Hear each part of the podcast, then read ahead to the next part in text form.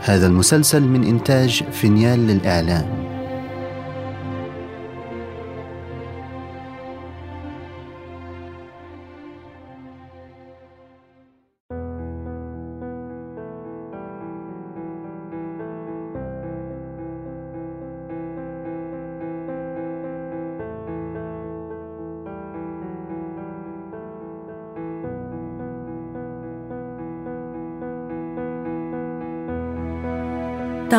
المدن طويلا.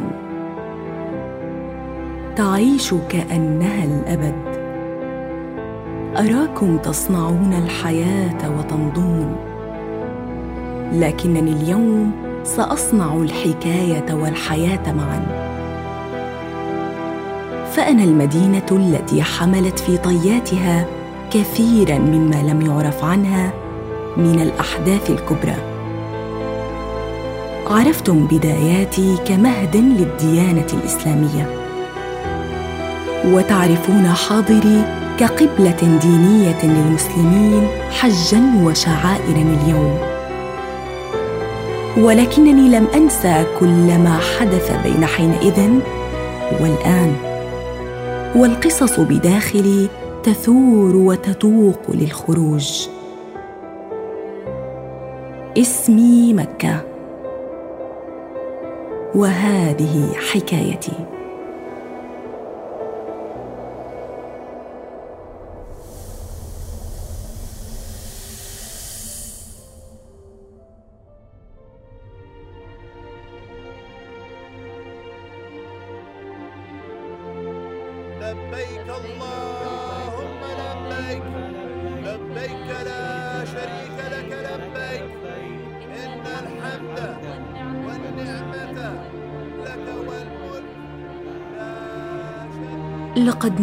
بي.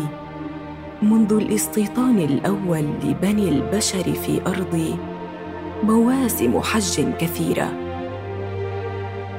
وبعد انتشار الإسلام وتوسعه رقعة بعد أخرى راحت هذه الأفواج تزيد ويتنوع من فيها بأعراقهم وألوانهم وألسنتهم.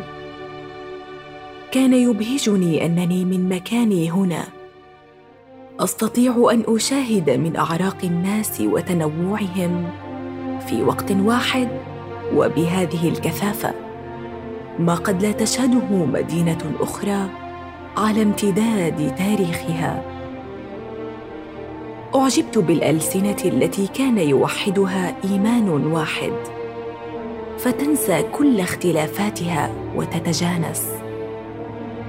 ورغم ما كان قد يصلنا من أخبار الشقاق والاضطرابات في عاصمة الخلافة العباسية بغداد وما حولها ثم ما كان يصلنا عن أخبار مصر وخروجها عن الخلافة العباسية لتكون تحت إمرة خلافة الفاطميين. إلا أننا كنا في كل موسم حج أنا وأهلي ننسى كل شيء وننغمس في متابعة الحجيج. يقوم أهلي على رعايتهم وتنظيم حركتهم ويمدون من جهل منهم بكامل ما يلزمه من معرفة الشعائر. كما أن بيوت العلم والمساجد كانت تتوهج بشتى صنوف المعارف. التي يتبادلها الوافدون مع أهلي. وقد شهد العام ثلاثمائة وسبعة عشر الهجري انتعاشا غير مسبوق بالحجاج الآيبين الملبين الخاشعين. وكنت أراهم يستعدون لمباشرة مناسك حجهم في عامهم ذاك عندما أربكني أمر آخر على حدودي في الوقت نفسه. أبصرت جماعة كبيرة تتقدم على قوافلها والخيول متجهة نحو الحرم المكي.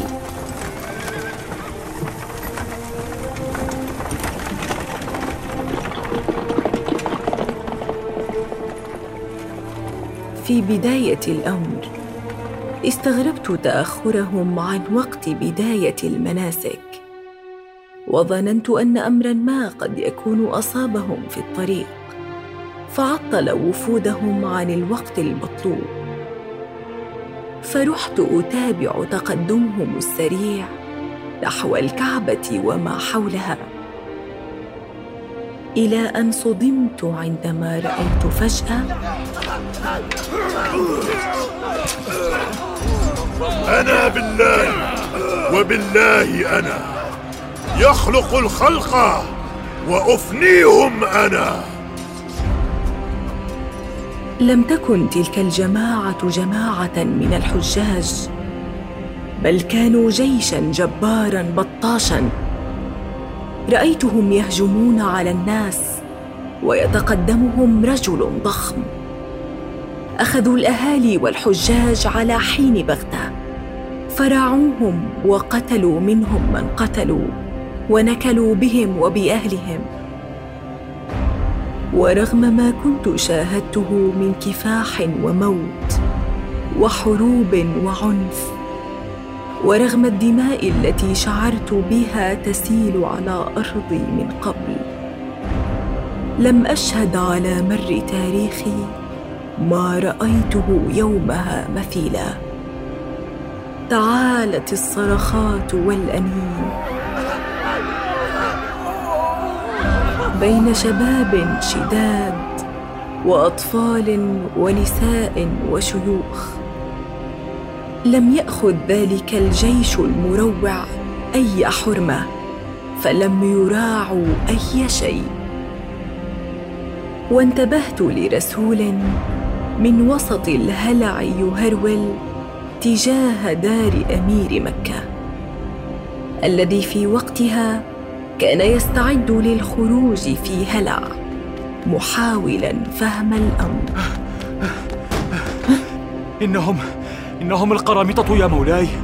يروعون الناس وينهبونهم ثم يقتلونهم. القرامطة؟ نعم يتقدمهم ملكهم نفسه أبو طاهر القرمطي. أسرع الأمير العباسي بن محلب يحاول أن يوفد رسولا بدوره ليطلب الغوث من بغداد محاولا أن يجعله يخرج دون أن يظفر به القرامطه فيقتلوه. ثم تابعت توجه الأمير متخفيا مع جماعة من الرجال نحو الحرم المكي. راحت الجثث تتكاثر في طريقهم. جثث ممزقة مرتاعه ورائحة تسكم الأنوف من بشاعتها تصاعدت. رائحة تمنيت الا أشمها مجددا. تدانى الأمير من الحرم والكعبة حيث أبصر مشهدا مروعا آخر. قد سبقته إلى رؤيته والحزن عليه. قد مزق القرامطه أستار الكعبة وانتزعوا الباب وهدموا قبل ذلك القبة المبنية على بئر زمزم. وكان أبو طاهر القرمطي يستعد لكي ينتزع الحجر الأسود من مكانه. حتى قام إليه رجل مصاب من وسط الحرم ظنوه ميتا يحاول أن يمنعه. فما كان من القرمطي إلا أن طعنه طعنة نافذة بقرت أحشاءه. وهو يصيح بمن بقي من الجرحى حيا. أين الطير الأبابيل؟ أين الحجارة من سجيل؟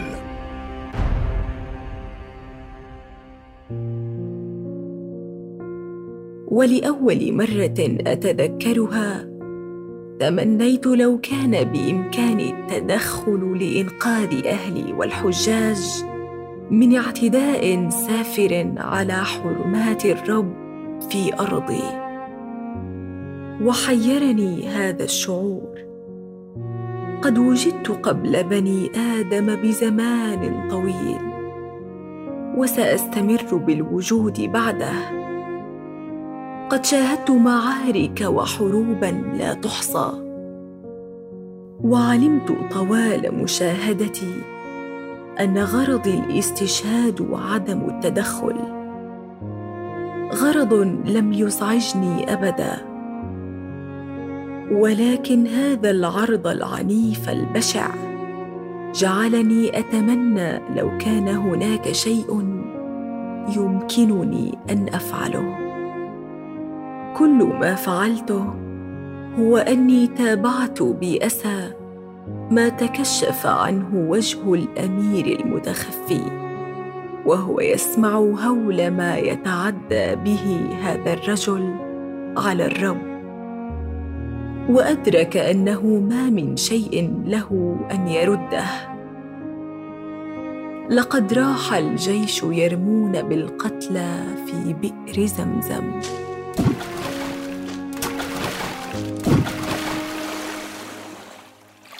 ويحفرون حفرا عشوائية يلقون بها الآخرين.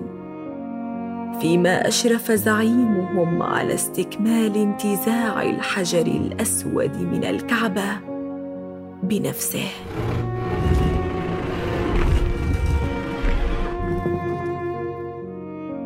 وسمعت أحد جماعة الأمير يهمس له بضعف من مكان اختبائهم. ما نحن فاعلون يا مولاي؟ نتبعهم حتى نستعيد الحجر.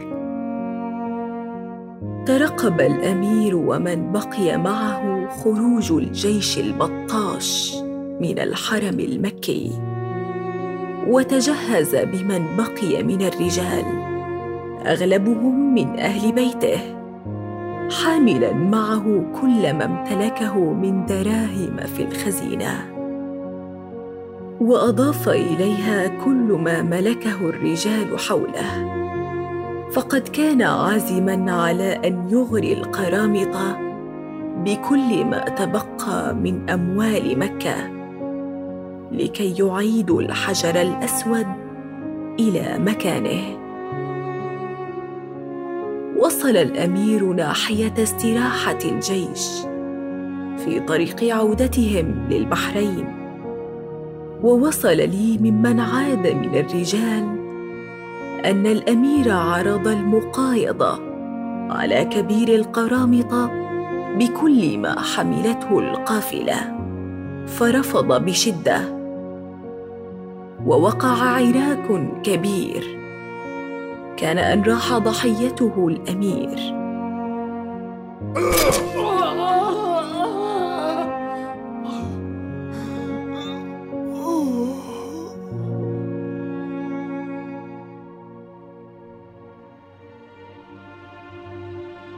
شعرت بأن خسائر ذلك اليوم كانت كبيرة.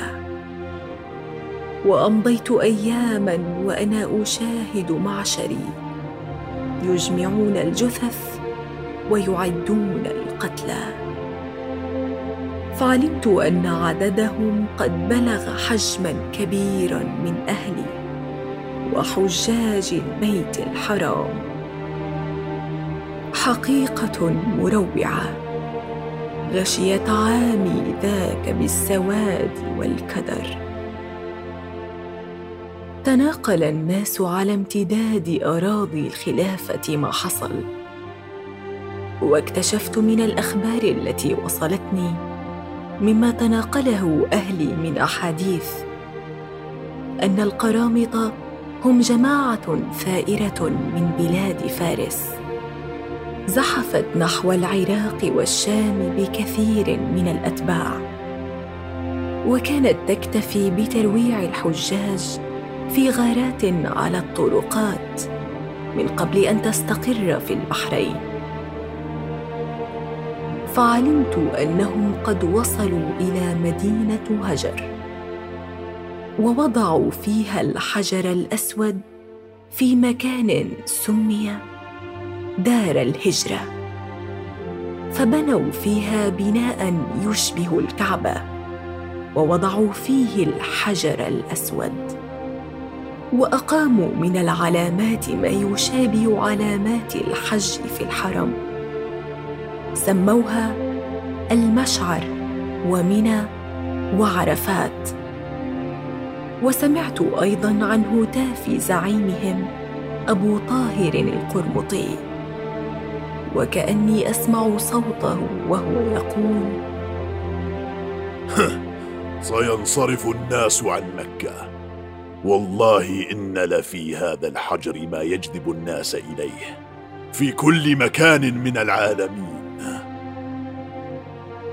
كانت السنوات التي أعقبت سرقة الحجر الأسود والجريمة المروعة سنوات كديرة علي وعلى أهلي.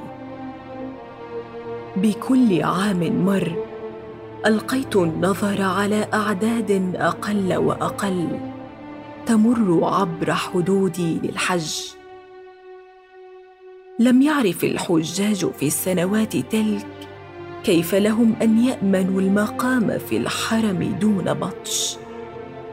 فتراجعت أعدادهم ومعهم ما كان يزدهر في مواسم الحج من تجارة وتناقل للمعارف وخدمات تعود على أهلي بالانتعاش الاجتماعي والاقتصادي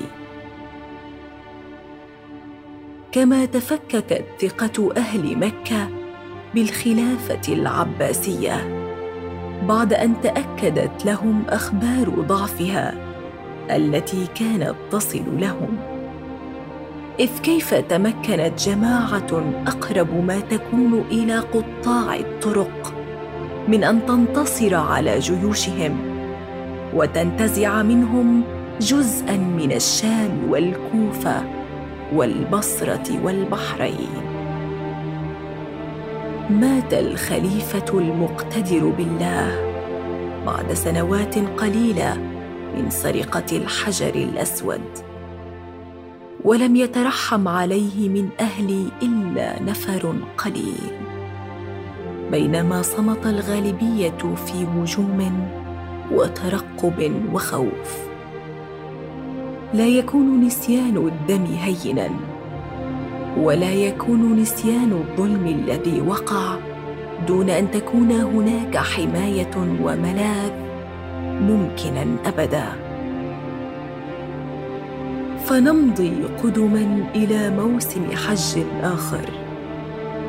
ويوم عيد من سنة ثلاثمائة وتسع وثلاثين للهجرة.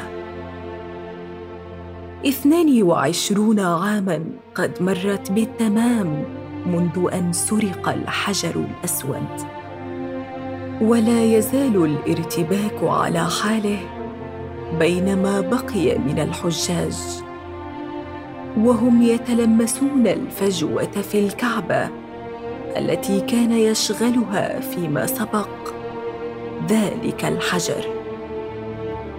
وأنا كنت أتابع التهاني بين الناس والحجاج وأراقب في الوقت ذاته في شيء من التوجس. قافلة صغيرة راحت تقترب من الحرم المكي. عادت إلى ذاكرتي حينها تفاصيل اليوم الدموي الذي دخل فيه القرامطه وخشيت على أهلي من مثله. يا مولاي مولاي لقد بوغت المسلمون بزعيم القرامطة في الحرم. ماذا تقول؟ هل هجم عليهم؟ لا يا مولاي. يقول إنه جاء وفق وعده لخليفة الفاطميين. ردا الحجر الأسود إلى موضعه. أسرع أمير مكة إلى الموضوع الذي تجمهر حوله الحجاج وأهل مكة. كلهم حول الكعبة يراقبون في فضول حينا وفي خوف متوجس حينا. تلك القافلة الغريبة التي أتت. راحت الجموع تفرغ الدرب لمرور الأمير الذي جاور الرجل الذي تقدم الغرباء. فما كان من الرجل إلا أن انحنى ليخرج شيئا مغطى كشف عنه الأمير. الله أكبر! الله أكبر!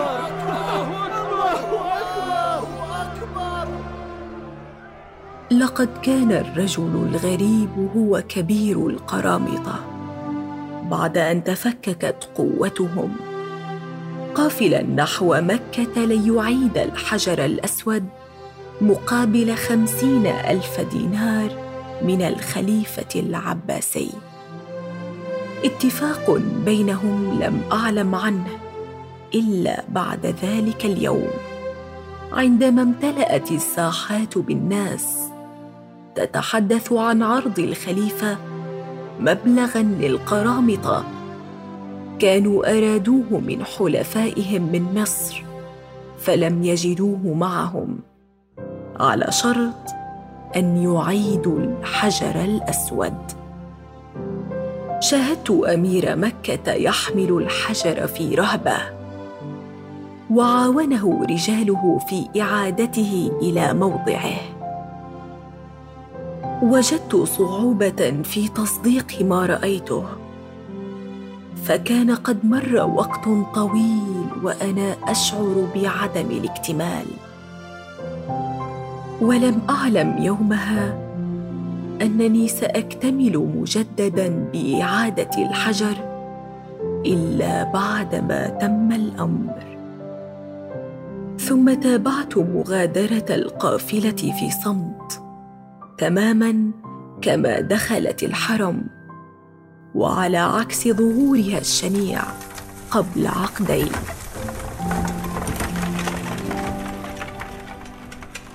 وبمغادرتها غمر الناس الابتهاج والحبور وليلتها احتفلوا.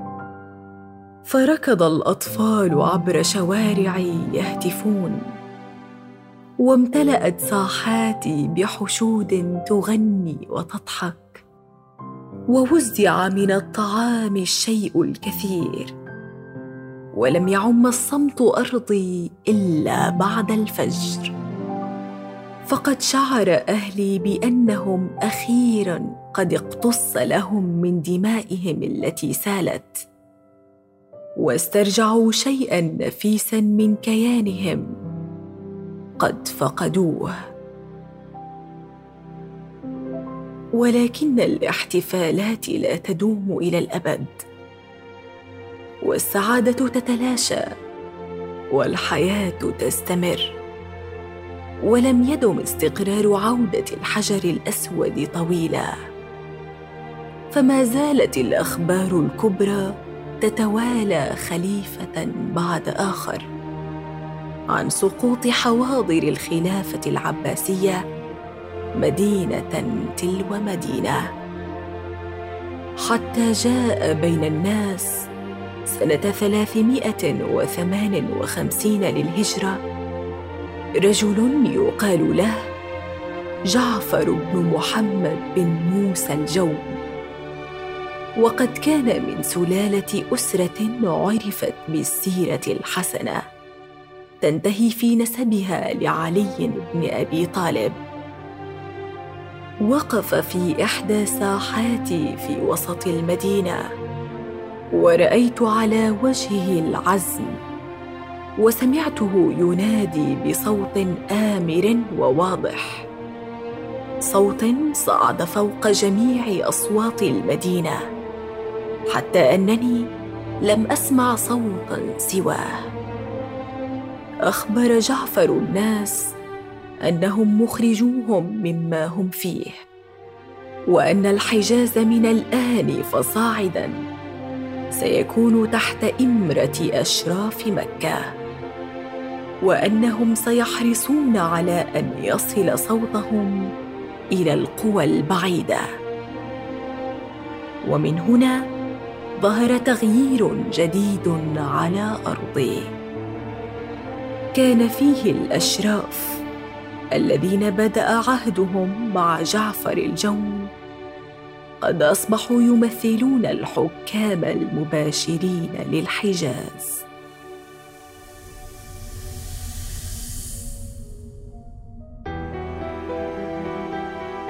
فتلاشى عصر وحلت مكانه حقبة جديدة. ولكن حكايتي لم تنتهي.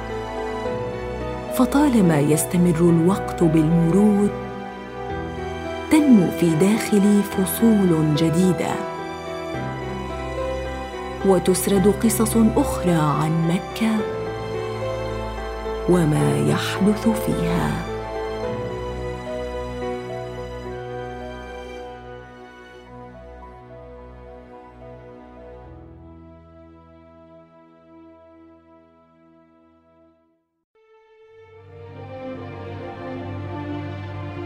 إذا استمتعتم بهذه الحلقة لا تنسوا الاشتراك لبث المسلسل ومتابعتنا على جميع منصات السوشيال ميديا. التفاصيل في وصف الحلقة.